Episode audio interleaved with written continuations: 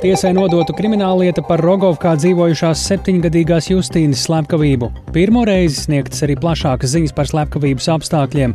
Redījumā pēcpusdiena plašāk par to jau pēc brīža sazināsimies ar Latgales studiju. Putina režīms ir padomju savienības atrauga, kas nevar ilgstoši turpināties. Par to pārliecināts viens no zināmākajiem Ukrainas žurnālistiem Dmitrijs Gordons, Latvijas radio, komentējot Krievijas karu Ukrainā un arī Kremļa opozicionāra Navaļnija nāvi. Un līdzjutēji lidostā šo pēcpusdienu no Čehijas sagaida mājās pasaules čempionāta biatlonā sudraba medaļnieku Andreju Rastargujevu. Par to visu plašāk redzējumā pēcpusdienā kopā ar mani Tāli Eipuru.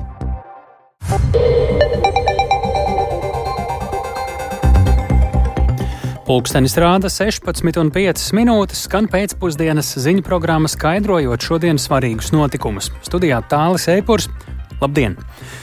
Ja Stradiņas slimnīcas jaunā korpusa būvnieka vēlve līdz rītvakaram nepiekritīs noslēgt vienošanos, slimnīca būvlaukumu sāks pārņemt saviem spēkiem. Šodien ārstniecības iestādes vadība būvfirmai kārtējā tikšanās reizē piedāvājusi vienoties par to, ka slimnīca nekavējoties pārņemtu jaunā korpusa būvlaukumu. Slimnīca arī pavēstījusi, ka nepieļaus garas izlīguma sarunas bez objekta pārņemšanas, taču par spīti piedāvājumam vienoties būvnieks darbus objektā turpina un nedomā to pamest sarunām šodien sako līdzi kolēģis Viktors Damīdovs. Viktor, kāda tad pat laba ir situācija? Izskatās, ka ja no rīta mēs eh, vairākas liecāmies minēt, ka abām pusēm kompromisu kaut kādu varētu izdoties panākt, šobrīd pēc tā īsti neizskatās, vai kā? Sveicināti! Jā, izskatās, ka attiecības starp Stradiņas slimnīcu un būvfirmu vēl ir ļoti sarežģītas. No rīta slimnīcas piesaistinātais zvērinātais advokāts stāstīja, ka piekdien vēlve ierosināja, ka attiecības varētu izbeigt savstarpēji vienojoties, un slimnīca ar piedāvājumu nāca klajā jau šodien. Galvenie nosacījumi ir tādi, ka vienošanos noslēdz nekavējoties, jaunā korpusa būvlaukuma uzreiz nodot slimnīcai, un abas puses vienojas, nu, ka tās pretenzijas un citus jautājumus viņi atrisina vēlāk šāda vienošanās neietekmēs iepriekš iegūtās tiesības, uzsver zvērinātais advokāts Benno Butulis. Šāda vienošanās ir relatīvi skaidra un vienkārša, visām pusēm saprotama. Ja tāda ir iespējama, tad ir viņa iespējama. Ja viņa nav iespējama, tad attiecīgi objekts tiek pārņemts. Uzsāktā pārņemšana līgumā paredzētajā gadījumā apstākļos, kad līgums ir ticis vienpusēji lausts. Un, uh, Līgumā precīzi ir uzrakstīts tas, ka neatkarīgi no būvnieka piekrišanas vai nepiekrišanas, tad objekts ir jānodod. Juridiskās procedūras var veikt pēc tam. No attiecīgi slimnīca rīkojās stingri pieturoties līguma teiksim, regulējumam, un droši vien paļaujās, ka arī būvnieks tam pieturēsies. Ja? Nu, pa ko mēs nevaram, protams, zināt. Savukārt būvfirmas vēlve pārstāvis Valdis Koks teica, ka viņi rūpīgi iepazīstas ar slimnīcas piedāvājumu un plašāk šo jautājumu plāno izskatīt rīt, kad gaidām atkārtota tikšanās. Tāpat laikā Koks norāda, ka situācija joprojām nav mainījusies. Viņi uzskata, ka laužot līgumu vienpusēji slimnīca rīkojas pretiesiski, tāpēc būvnieki netaisās pamest objektu. Arī e, vēlve ir piesaistījusi advokātus, kas uzskatot, ka slimnīcas rīcība, nu, ka ka slimnīca vispār pārkāptos noteikumus. E, slimnīcai līgumu ar būvnieku vajadzētu laust jau agrāk, un tā to uzskata bijušais Stradiņas slimnīcas vadītājs Rinalds Muciņš, kurš tagad vada jau aizkrauklis slimnīcu. Viņu pērnu ko oktobrī kopā ar e, valdes locekļiem no amata atcēla, un šodien Stradiņas slimnīca nāca klajā, e, ka iepriekšējā valde nav nodrošinājusi būvniecības līguma savlaicīgu izpildi. Viņi ir kavējušies, un tiklīdz līdz bija skaidrs, ka līguma noteiktajā termiņā neizpildīs, un viņam vajadzēja to laust jau agrāk. Un eh, tā norāda slimnīcā atsaucoties uz piesaistītajiem ekspertiem, un tas atzinums ir iesniegts arī ģenerāla prokuratūrā, kur es noskaidroju, ka prokuratūra pārbauda, kādi ir bijuši tie šķēršļi, un vai tā Eiropa, un arī pārbauda, vai Eiropas Savienības naudu varēja izlietot savlaicīgāk un kā. Bet eh, Muciņš sarunā teica, ka viņš noliec tos uh, pārmetumus, uh, un tad lūdzu klausāmies viņa teikto. Jāsaprot, ka līgumu, protams, var mēģināt laust jebkurā brīdī, un mēs šobrīd sekojam vienai tādai laušanas scēnai, bet jāsaprot, kādu mēķi mēs gribam sasniegt un cik tas ir droši. Un līgumā bija šis starptermiņš numur 4.3. novembris, kuri bija jāsniedz noteikts apjoms. Un tam mēs arī gatavojamies. Protams, pa vidu notika valdes maiņa, nu, un, protams, tad bija vēl veidota otrā iespēja, un novembrī un decembrī valdīja pilnīgi saskaņu un eiforija starp slimnīcu un būvniekiem. Viss izdosies, lai gan, nu, praktiski nekas jau būtiski nebija mainījies, bet tikai bija faktiski Ziemeļkorejas tāds stila propaganda, ka viss izdodas. Nu, un tas noveda šobrīd pie tām sekām, jo ilgāk jau to varēja vilkt. Tālūk, Muciņš, un tātad secinājums, ka viņi jau bija gatavi 30. novembrī laust līgumu, un turklāt divi e, viņa e, kolēģi, kuri joprojām ieņem augstus amatus, e, ne, neteica toreiz, kā viņš teica, nu, kā, kā Muciņš saka, neviens viņam neteica, ka varēja to līgumu laust jau saulēcīgi, kad viņš to ieņem amatu. Nu, bet tas skaidrāk, ka tā bilde varētu, gaid, varētu būt rīt, kad gaidām atkārtot tikšanās abu starpā. Mm. Nu šeit nu, gan ir jāsaka standarta frāze, sekosim līdzi, jo uh, tad rīt arī gaidīsim gan no stradiņiem, gan droši vien arī no tevis, Viktor Ziņas. Paldies Viktoram Demīdovam! Bet šodien krimināla lietu par Rēzeknes novada Nautrānu pagastu Rogovkā dzīvojušās septiņgadīgās Justīnas Reinikovas slepkavību prokuratūra nodevusi Latgales rajona tiesai.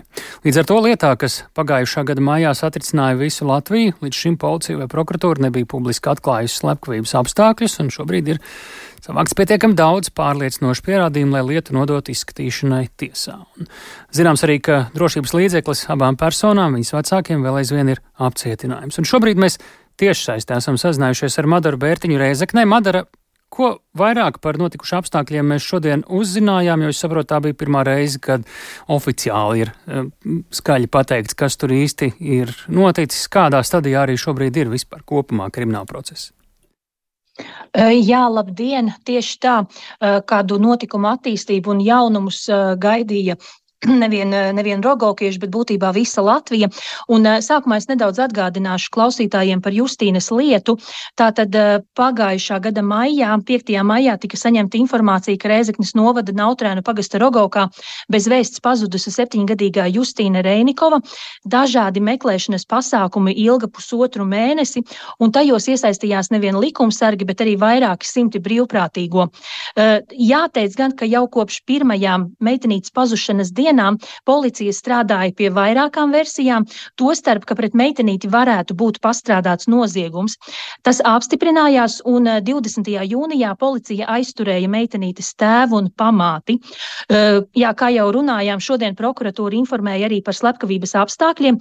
Tātad abas apsūdzētās personas, Justīnas tēvs Vladimirs un pamāte Sandra, eh, savā dzīvesvietā esot lietojuši alkoholu un sākuši savstarpēju strīdu saistībā ar mazās Justīnas audzināšanu un aprūpi. Eh, turpat bijusi arī Justīne, un vecāki eh, apzinoties arī to, ka meitene ir maza un nespēja viņiem pretoties, tomēr sākuši uz viņu kliegt un sist viņai pa ķermeni un pa galvu, nodarot eh, Justīnai smagus miesas bojājumus, kā rezultātā iestājusies meitenītes nāve. Pēc tam, lai slēptu nozieguma pēdas, meitenes līķis tika noslēpts pamestas mājas pagrabā vairāku desmitu kilometru attālumā no viņu dzīves vietas Rogaukā. Eh, savukārt policija un sabiedrība tika maldināta par Justīnas pazušanu. Eh, jāteic, vietēji iedzīvotāji vēl tagad šausminās, cik augstasinīgi melojas meitenītes tēvs, kurš pat iesaistījies meklēšanas darbos un stāstījis, kā ik rītu izstaigā tuvēju apkārtni, meklējot kādus pavadienus Justīnas eh, pazušanas lietā. Eh, tagad, vairāk nekā pusgadu pēc eh, ilgušas, tātad pusgadu ilgušas izmeklēšanas, esot savākts pietiekami daudz pārliecinošu pierādījumu, lai tēvam un pamātei izvirzītu vairākas apsūdzības, tostarp par slepkavību.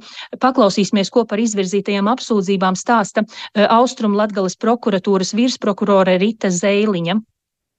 Lietā ir apsūdzētas divas personas, un pie krimināla atbildības ir saukti gan par cietsirdīgu un vardarbīgu apiešanos ar mazgadīgo, ja ar to mazgadīgajam ir nodarītas fiziskas un psihiskas ciešanas, kā arī par slepkavību pastiprinošos apstākļos, bet jā, apsūdzības slepkavībā ir abiem, ar abām personām. Viena persona neatzīst savu vainu, otra persona atzīst daļēji tieši jautājumā par cietsirdīgu un vardarbīgu apiešanos, nevis par slepkavībām. Tiesvedības gaitā tad noteikti prokuroram arī būs jāvērtē un jālemj eh, par to, kāds sots eh, ir adekvāts uz tiesvedības arī beigām. Prokurore tad arī izlems par to, cik bargs tiks prasīts sots par nodarītajiem noziegumiem.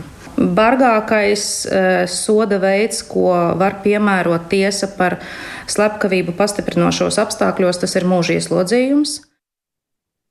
Jā, šodien sazinājos arī ar apsūdzēto advokātiem.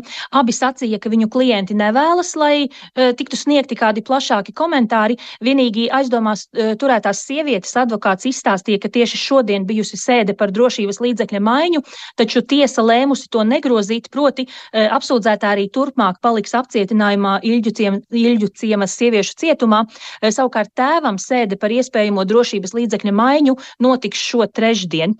Un uh, noslēgumā vēl pie piebildīšu, ka šajā pēcpusdienā Latgales rajona tiesa lēma, ka Justīnas lieta tiks skatīta Ludzā, un nedēļas laikā varētu būt zināms jau pirmās tiesas sēdes datums. Tāli. Paldies Madrai Bērtiņai no Latvijas radio Latgales studijas. Tātad šodien um, nodota krimināla lieta par Justīnas slepkavību tiesai un arī līdz ar to plašāka sabiedrība uzzina oficiālu versiju par to, kas tad varētu būt noticis šajā šīs slepkavības lietā. Bet Pēc Alekseja Navaļnija nāvis pret Krieviju jāvērš asākas sankcijas un vēl vairāk jāpalīdz Ukrainai. Par to ir pārliecināti Latvijas parlamentārieši. Saimnes ārlietu komisijas vadītājs Rihards Kols no Nacionālās apvienības atzīst, ka šobrīd cerēt uz objektīvu izmeklēšanu Krievijā ir naivi, taču ir citi veidi, kā demokrātiskajām valstīm pašlaik ir jārēģē. Arī saimnes prezidija pārstāve, Eiropas lietu un ārlietu komisijas deputātis Zanta Kalniņa Lukaševits no jaunās vienotības norāda, ka demokrātiskās pasaules rokās nav pārāk daudz instrumentu, kā vērsties pret Krieviju, bet tie ir ietekmīgi. Turpina Kalniņa Lukaševits un pēc tam Rihards Kols vēl stingrāku vēršanos pret Krieviju, tostarp ar sankcijām, un vēl lielāku, masīvāku un ātrāku atbalstu Ukrainai mēs redzam, ir iespējams tātad vēl stingrāk vērsties, vēl papildus sankcijas, ir arī vēl stingrāk jākontrolē un jānovērš jebkāda sankcija apiešana. Tā ir skaitā šos duālās lietojumības preču nonākšana Krievijā caur it kā citām valstīm, Un arī ir jāturpina darbs, lai nonāktu pie lēmuma par Krievijas iesaldēto līdzekļu konfiskāciju un nodošanu Ukrainai. Man liekas, šis būtu papildus stimuls demokrātiskai pasaulē mobilizēt visu iespējamo atbalstu Ukrainai. Absolūti nekavējoties, neejot kaut kādās neauglīgās diskusijās, bet sniegt maksimālu atbalstu, kā pieņemsim tik tikko kā Dānijas premjera paziņoja, ka Dāņi atdod praktiski visu artilēriju, munīciju Ukraiņiem. Bažas arī, protams, raisa, kas notiks ar citiem prominentiem opozīcijas pārstāvjiem, kas ir ieslodzījumā, kā pieņemsim Vladimirs Karamurza. Tā Zanda Kalniņa, Lukaševits un Rihards Kols. Jāpiebilst, ka šo ceturtdienu Ukrainas atbalsta nedēļas laikā gaidāma saimas ārkārtas sēde, kurā būs plašas diskusijas par šiem jautājumiem, un saima šobrīd arī gatavo paziņojumu par to diviem gadiem kopš Krievijas visaptverošu iebrukumu Ukrainā. Bet Krievijas opozicionāra Aleksēna Navaļnija atraitni jūlija šodien Briselē pievienojas Eiropas Savienības ārlietu ministru sanāksmē. Tā paziņojas bloka augstais pārstāvis ārlietās un drošības politikas jautājumos Žuzeps Borels. Pirms tikšanās norādot, ka ministriem būs spēcīgs vēstījums par atbalstu tiem, kuri cīnās par brīvību Krievijā. Arī pati Navaļnija atraitne šodien solīja turpināt vīri iesākto. Un plašāk par sanāks mums ir gatavs pastāstīt kolēģis Rihards Plūmē. Lūdzu, Rihard! Jā, labdien! Ministri tiekas Briselē šodien neilgi pēc Minhenes drošības konferences, kurā jau sanāca viņiem tikties nedēļas nogalē, un tieši šajā konferencē, kur arī es pabiju klāt, pasauli saņēma ziņas par opozicionāru nāvi. Protams, tur tas ātri vien bija dzirdams dalībnieku sarunās, un tas tika pieminēts arī publiskajās diskusijās, un neviena viena amatpersona un eksperts tur arī norādīja uz to, ka Navaļnī nāvē ir vainojama Krievija, jeb nu, Putins kārtējo reizi Krievijai parādot savu patieso brutālo seju. Un konferencē bija tieši arī klātesoša Navaļnijas sieva Jūlija, kas saņēmās un kāpa uz skatuves, uzrunājot klātesošos un arī uzsverot, ka Krievijas diktators atbildēs par pārstrādāto. Savukārt šodien, jā, viņi ir klāta Eiropas Savienības ārlietu ministru sanāksmē Briselē. Paklausīsimies, kas vēl no rīta pirms sanāksmes bija sakāms Eiropas Savienības augstiem pārstāvjiem ārlietās Žuzepam Borelam.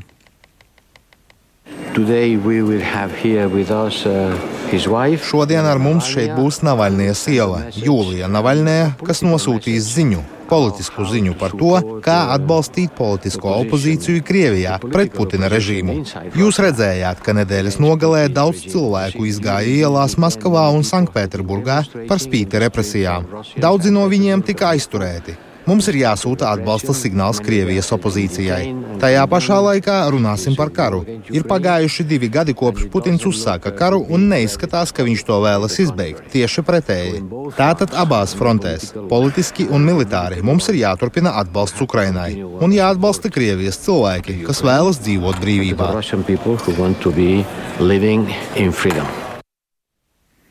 Jā, Borels arī paziņoja, ka, lai godinātu Navaļnī piemiņu, ministriem tiks ierosināts pārsaukt cilvēktiesību sankciju režīmu par Navaļnija cilvēktiesību Eh, sankciju režīmu. Un tiek spriests arī par eh, jaunām bloka sankcijām tiem, kas ir tiešā veidā atbildīgi par izturēšanos pret Navaļnī un arī Krievijas eh, cietuma sistēmas pārstāvjiem. Borels gan uzsver, ka patiesais vainīgais, galvenais atbildīgais esot Putins. Protams, jautājums par to, kādas tad šīs sankcijas vēl varētu būt.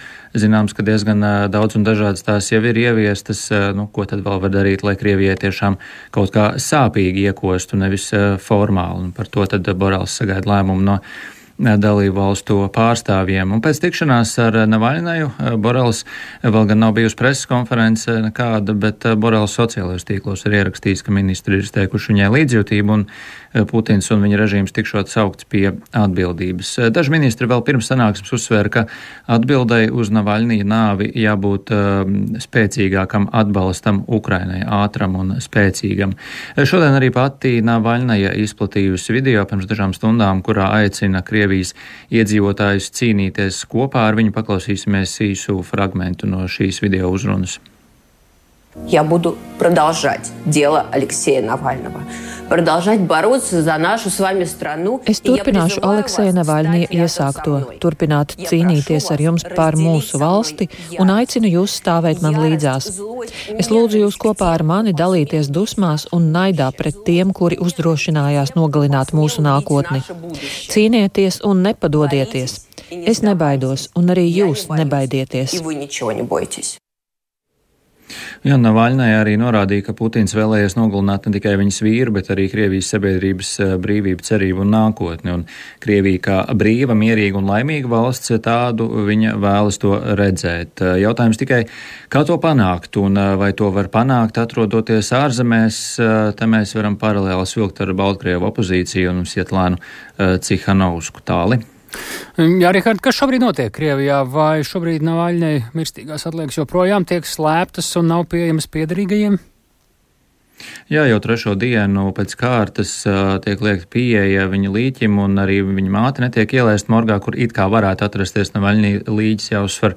Varētu, jo šobrīd ir grūti saprast, kur tas atrodas un kas ar to notiek. Un jautājums par šo situāciju uzdots arī Kremlim, kas ir atbildējis, ka šis te neietilpstot Kremļa kompetencē. Un, uh, un nepilnu divu dienu laikā vairāk nekā 52 tūkstoši cilvēku nosūtījuši arī pieprasījumus Krievijas izmeklēšanas komitejai atdot Navaļnī līķi viņa ģimenei, un Kremlis arī norādījis, ka notiekot izmeklēšana, bet nu, mēs varam iedomāties, kāda šīs izmeklēšanas Krievijā notiek un kāda tā būs par patiesajiem Navaļnī nāves apstākļiem. Tāli.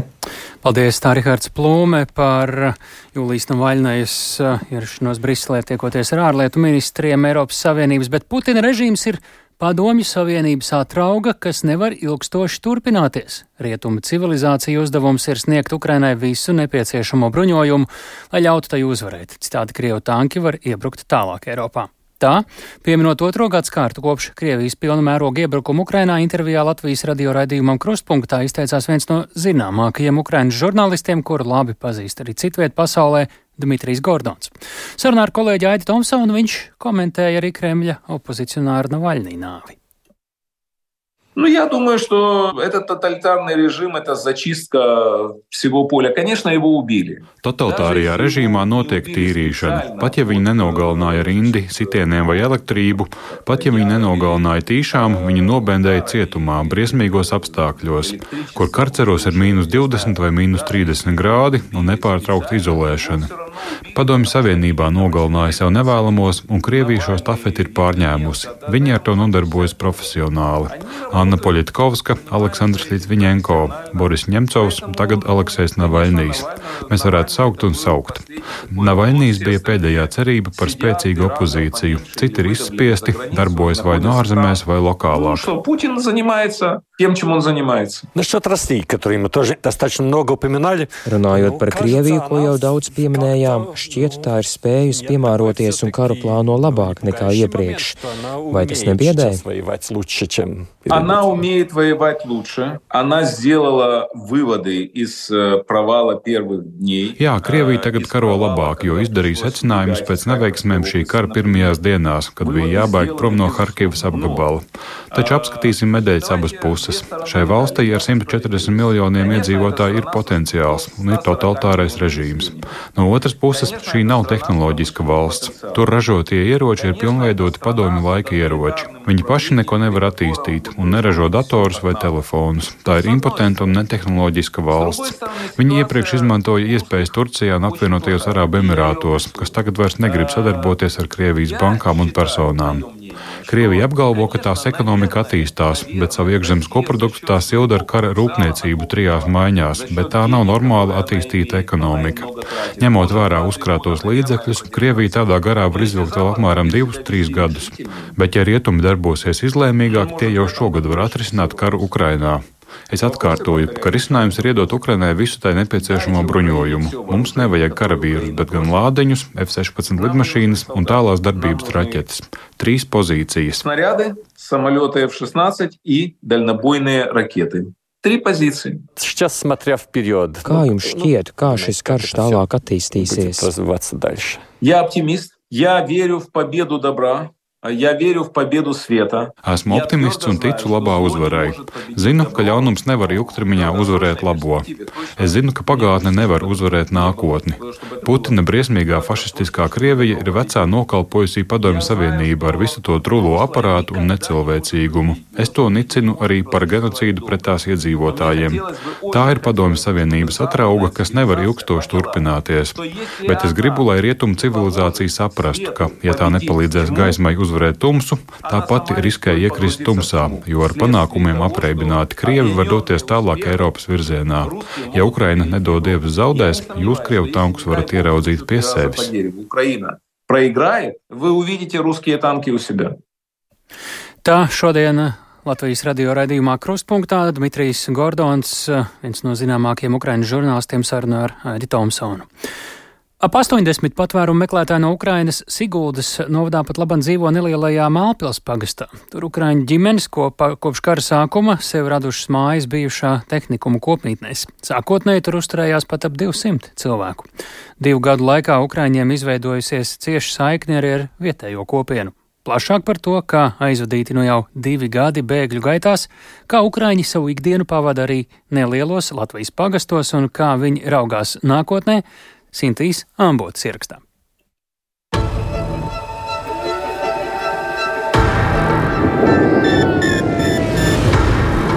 Ukraiņai ir jāuzvar, un ar Ukraiņas uzvaru divi gadi kopš Krievijas pilna mēroga iebrukuma Ukrainā. Отдала твой наш второй дом теперь. Тут уже привыкли два года. Nu, уже... Mālpils bijušā tehnikuma kopmītnē sastopa Annu, kas Latviju sauc jau par otrajām mājām, un šeit uzturas kopā ar desmitgadīgo meitu un māmu Mariju. Pirms kara ģimene dzīvoja Harkivā, savukārt karam sākoties devās bēgļu gaitās un nonāca Mālpilī pēc draudzenes ieteikuma, kura jau šeit bija apmetusies. Man šeit patika, lai gan pēc lielas pilsētas iedzīvoties bija sarežģīti, un sākumā mēs katru nedēļu braucām uz Rīgu, jo man pietrūka cilvēku, bet tagad man šķiet, Malpils ir ļoti ērta vieta dzīvošanai. Может быть, потому что всегда нам люди такие хорошие попадаются. Varbūt tas arī tāpēc, ka mums vienmēr ceļā trāpās ļoti labi cilvēki. Šeit nav nejauku cilvēku. Visi cilvēki ļoti labvēlīgi. Mēs pagājušajā gadā arī tirdziņā Mālpilī vārījām ukraiņu boršķu un braucām vārīt zupu arī uz lielu vasaras tirgu Siguldā. Mēs aktīvi piedalāmies vietējās kopienas dzīvē, mūs aicina un mēs esam priecīgi, ka varam piedalīties. Arī tagad, kara gada dienā Mālpilī, labdarības akcijā atkal vārīsim un dalīsim boršķu.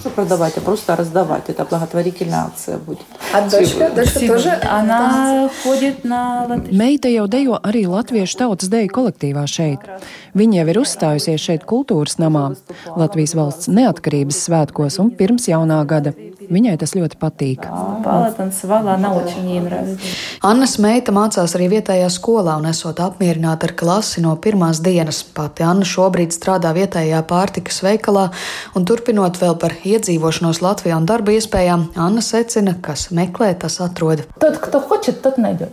Изначально, когда мы приехали, все произошло быстро. Kad atbraucām šeit, tad viss notika ātri. Mēs ātri saņēmām dokumentus, mums piešķīra pirmreizējo palīdzību. Mēs atbraucām 9. martā, un es strādāt sāku jau 1. maijā. Sākumā es šeit saimniecībā lasīju zemenes, un es ne ar ko tādu nebiju nodarbojusies. Es biju tāds oficiāls planktons, bet es nostrādāju tur visu sezonu, un man tur viss patika. Svaigs gaiss, zirgi, zemenes, augi, un es arī mājās audzēju nelielu ziedu dārzu, tāpēc es to darīju ar lielu prieku. Pēc tam es uzzināju, ka ir pārdevējas darbs tepat blakus, un pieteicos. Продавец магазин вот здесь, он рядышком возле мой же. Думаю, ну раз это рядом, почему нет? Anna saka, ka tagad veikalā ar cilvēkiem sarunājas latviešu, bet papildus neapmeklē kādus valodas kursus, jo ģimene plāno atgriezties Ukrajinā. Nē, mēs šeit būsim kādu brīdi, bet jebkurā gadījumā atgriezīsimies mājās. Man tur ir arī dēls ar sievu. Viņi dzīvo Harkivā zem apšaudēm. Tas ir pats baisākais. Īpaši, kad no rītiem lasi, kur kādi uzlidojumi bijuši, jo tā raķete taču var trāpīt jebkurā mājā. Это ракета упасть в любой дом, в любой дом попасть. Мы ездили домой летом. Bet mēs arī šovasar aizbraucām uz mājām. Brālis precējās, cilvēki tur turpina dzīvot. Malpils Ukrāņu kopienā sastop arī Juriju un Tatjānu. Arī šī ģimene ar diviem maziem bērniem ir no Harkivas apgabala un pēc kara sākuma piedzīvo arī Krievu karaspēka okupāciju, jo dzīvo tuvāk Krievijas robežai. Darba tirgū pagaidām nav nonākuši, jo turpina attālināt strādāt savos iepriekšējos amatos Ukrainā. Только заехали, увидели вот э, наши флаги, когда висят. Kad iebraucām Latvijā, pirmais, ko ieraudzījām, bija mūsu karogus, un es pat nezinu, kā to izstāstīt. Mēs it kā beidzot izelpojām, jo esam drošībā un mūs šeit atbalsta un saprot, kas notiek. Draugi teica, ka Mālpilī vēl ir brīvas istabas, un mēs atbraucām, bet nezinājām, kur dodamies. Mums svarīgākais bija izrauties no tās elles. Pats svarīgākais, ka bērniem šeit ir komfortabli. Šeit ir ļoti laba skola, ļoti skaists parks, kas mūs ļoti priecē. Plus šeit ir labi cilvēki. И ну, это приятно. Вот. Плюс здесь хорошие люди. Малпис, в принципе, вот э, это Nu, это действительно, вот, как говорят, это второй дом. Mālpils patiešām ir otrās mājas, jo te tik ļoti labi jūtamies. Mēs ļoti gribam tuvāk dabai arī. Mēs arī Ukrainā dzīvojām tuvāk dabai, un kad šeit dodamies uz mežu, gūstam ļoti lielu baudu. Un ar vīru pat runājām, ka mājās arī būs jāstāda tādu mežu, lai aug. Надо садить лес у нас возле дома, надо лес, чтобы оно росло. Liela loma stiprai un lielai Ukrāņu kopienai Malpilī ir arī tieši vietējo iedzīvotāju atbalsts nelaimē nonākušajiem. Iedzīvotāju kustības Malpils iedvesmo aktīviste Kristīna Jonīta Jurkeviča secina, ka Ukrāņu kopiena stiprinājusi arī vietējo saliedētību. Sinti Ambote, Latvijas radio.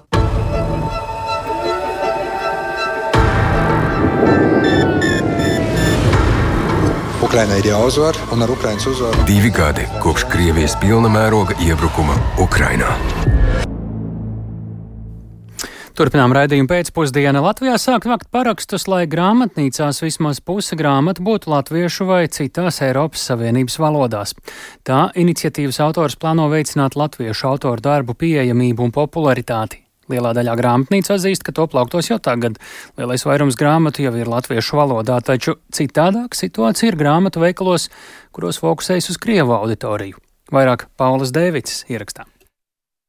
Jaunā mana balss iniciatīva paredz noteikt, ka grāmatnīcās vismaz pusē grāmatu jābūt valsts vai kādā no Eiropas Savienības valodām. Iniciatīvas autors raksta, ka Ukrainā šāds likums esot spēkā no 2021. gada jūnija, un arī Latvijai, kas esot līdzīgā ģeopolitiskajā situācijā, būtu jāiet šajā virzienā. Tas būs solis uz valodas un kultūras bagātināšanu. 2018. gadā veiktā pētījumā dati liecina, ka vairāk nekā puse Latvijas iedzīvotāju lasa latviešu valodā, taču vairāk nekā trešā daļa iedzīvotāju lasa arī krieviski. Latvijas radio devās Rīgas ielā lai noskaidrotu, kādās valodās lasa rīdzinieki.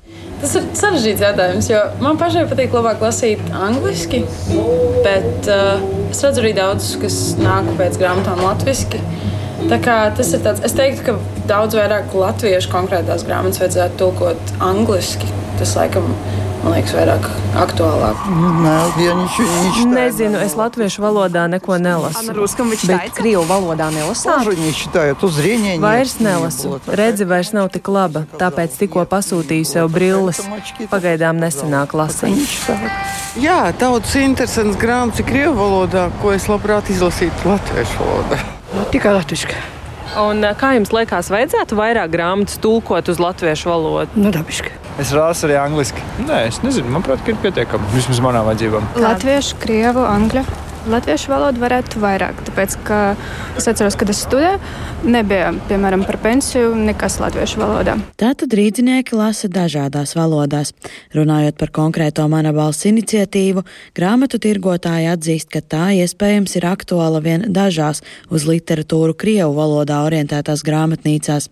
Piemēram, viens no lielākajiem grāmatu tirgotājiem un izdevējiem Latvijā, Zvaigzne ABC, pārsvarā tirgo latviešu literatūru.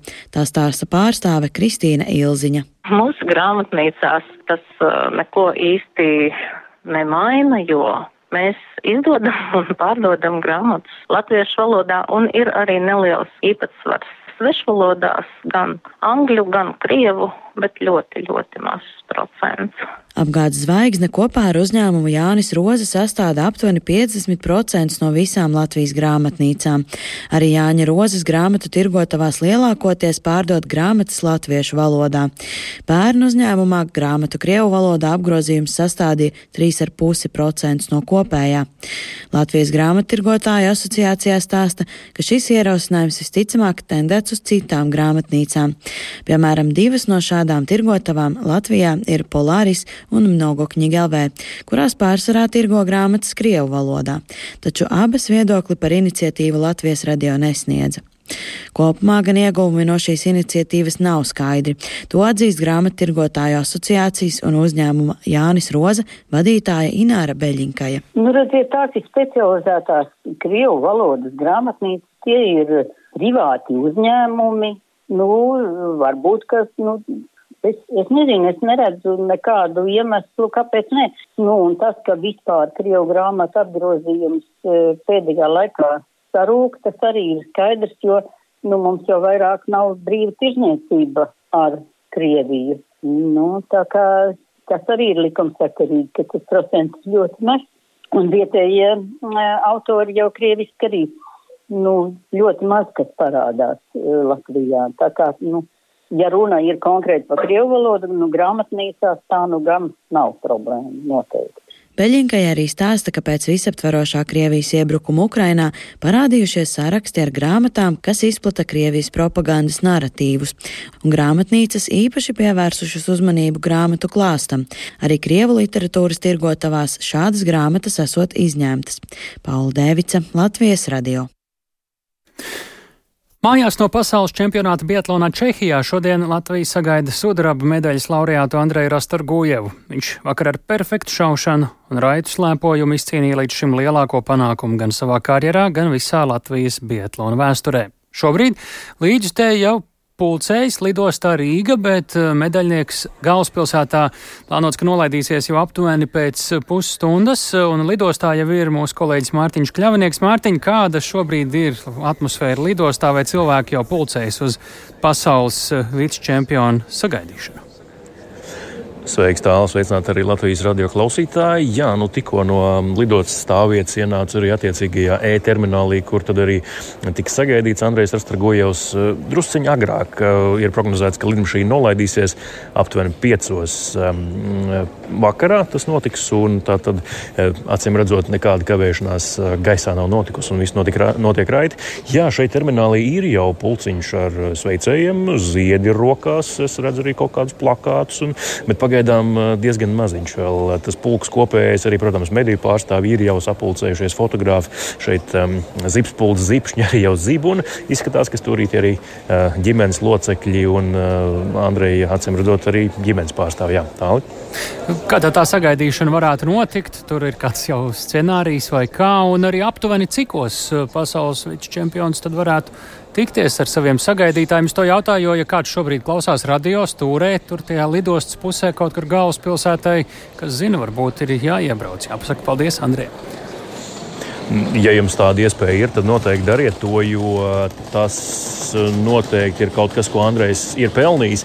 E, šobrīd, kā jau sacīju, ja piecos nolaižas lidmašīnu, rēķinam nu vismaz pusstunda, kamēr Andrejs e, izkāps no lidmašīnas, e, ienāks lidostā, saņems savu bagāžu un tad tikai iznāks pa termināļu vārtiem. Līdz ar to nu, es domāju, ka ap 5.40 varbūt mēs varam sākt gaidīt, kad, ka viņš būs jau šeit un sveicēji viņu, viņu varēs sagaidīt. Bet Bet uh, scenārijs ir, jā, vispirms viņu sveiks ģimenes locekļi. Ģimenes locekļiem ir mm, priekšroka un, un primāri tiks uh, dots vārds tieši viņiem, un, un šīs emocijas varēs izpaust viņi. Savukārt pēc tam arī oficiālās amatpersonas, gan valsts, gan sporta organizācija, un tad jau arī mediji varēs uzdot savus jautājumus. Savukārt līdzutējiem ir aicināts pulcēties ārpus termināļa Rīgas lidostas P1 stāvvietā, un tur pēc tam Andrejs iznāks pie viņiem un arī uh, sniegs autogrāfus, fotografēsies un arī uzklausīs labos vārdus. Tāli. Nu, tad tiešām kāds laiciņš tur varētu paiet, ņemam vērā arī specifisko ekipējumu, kas ir Andriem vai ne Mārtiņam. Protams, jā, nūjas slēpjas, nu gal galā arī šautē. Tas tomēr ir ierocis nu, jā, lidostā šādu ekipējumu varbūt uh, nav gluži tā, ka sekundes laikā izlaiž cauri. Bet, Mārtiņ, nu, šeit ir vietā, man liekas, kā atgādināt, nu, arī pasakot varbūt savu viedokli, kā ilgstoši Andrei gaitām līdzi sekojušam sporta žurnālistiem, nu, pēc visiem šiem, nu, jau var teikt, garajiem gadiem, kad Andrejs tiešām ir sīvi cīnījies un ne tikai trasē, viņam bijis arī ļoti daudz iemeslu apstāties eh, no malas tā varētu šķist, gan jau, ka viņš pats varbūt tā nedomā. Ko šāda gan sagaidīšana, gan uzmanības pievēršana viņam varētu nozīmēt? Vakardien jau pēc uh, šī lieliskā panākuma izcīnīšanas Andrejs uh, varēja redzēt, ka Latvijas televīzijas ētrā valdīja asars, sniedzot savu pirmo komentāru. Tas jau vien parāda, cik daudz tas viņam pašam nozīmē. Un uh, tik tiešām tālu, es domāju, tu pats arī ārkārtīgi spilgt atceries nu, kaut vai mm, sešus gadus senu pagātni, kad tu pats biji Korejas Pjončkānas Ziemas Olimpiskajās spēlēs, un tās nu, nebija veiksmīgas Andrejam. Un, tur viņš šķendējās par slēpes līdamību, tad nevarēja trāpīt mērķos, lodes nelidoja lidoja. Nu, un, uh, bija arī viens tāds. Es, Es personīgi atceros vienu tādu ļoti spilgtu tevis ierakstītu audio komentāru, ko tu atsūtīji uz Rīgu, un mēs ar Māru Bergu kolēģi to klausījāmies, montējām. Un, uh, tur bija ārkārtīgi daudz lamu vārdu kas bija veltīti man šķiet, toreiz slēpes mērētājiem, un eh, mēs to saistījām ar attiecīgajiem eh, tādiem signāliem, īsajiem, tā sauktiem pīkstuļiem. Nu, un, protams, arī diskvalifikācija, kas nesen bija, ko viņš izcieta un tikai pagājušā sezonā atgriezās sacensībās. Tas bija vēl viens pārbaudījums. Ir bijuši divreiz gal galā viņam vienā no Rīgas apkaimēm tika apzakts arī busiņš, kur glabājās viņa inventārs, velospēds nozakts un citas svarīgas lietas viņa ikdienas gaitām. Līdz ar to ērkšķi ir bijis daudz, bet Andrejs ir palicis pie sava, pie sava mērķa, gājis uz to un lūk, tas vakardien arī piepildījās. Viens no mērķiem, jo viņš teica, šis ir viens lielais mērķis, kurš ir izpildīts. Vēl ir viens, liekot domāt par Olimpiskajām spēlēm. Nu, vēl jau arī intriga, ko Andrejs ir domājis ar teicienu, kad uh, viņam par šo uh, diskvalifikāciju uh, reaģēja tieši pēc uh, līdz čempionu titulu izcīnīšanas citu valstu daļa sportistu, piebilstot nu, tā skeptiski komentējot Andreja panākumu. Un Andrejs uh, atbildēja apmēram, nu, paies laiks un viņi sapratīs. Tad iespējams, ka arī mēs uzzināsim, kādām grūtībām vēl Andrejam ir bijis jāiet cauri. Jā, noteikti. Un ļoti svarīgs ir bijis ģimenes atbalsts. Un uh, Līga vai Naģeždē viņš jau katrā savā komentārā pasakās. Un uh, Andrejam ir jā, spēcīgs ģimenes atbalsts arī, arī um, treneru un apkalpojošā personāla. Un gal galā arī tie atbalstītāji, kas viņam ir, uh, viņa komandai palika kopā ar viņu. Un arī tiem viņš teica īpaši paldies. Un tas viss ir svarīgi kopējā rezultāta izteiksmē. Un gal galā es gribu arī uzsvērt, ka šajā pasaules čempionātā vispār paskatieties, ko par latviešiem runāja, varbūt arī publiski konkurenti slēpju slīdamība. To es arī esmu sacījis Latvijas radio etrā. Viens norvēģu slēpju mērētājs ir piesaistīts, un tas uzreiz bija redzams arī trasē. Un to mēs arī dzirdējām no Andreja Rastorguja un citiem komandas biedriem. Paldies Mārtiņam Kļavniekam. Tad nu gaidām Andreju Rastorguju ierodamies lidostā Rīga jau tuvākajās minūtēs. Paldies, ka klausījāties raidījumu pēcpusdiena. To veidojām mēs Tālis Eipurs, Ilzā Ginta, arī Kaspars Groskops un Mārtiņš Paeglis. Mēs eh, piedāvājam iespēju šo raidījumu jums ērtā laikā noklausīties arī Latvijas radio mobilajā lietotnē. Un, protams, klausieties mūs arī rīt pēc ziņām, kā katru darbdienu 4 un 5.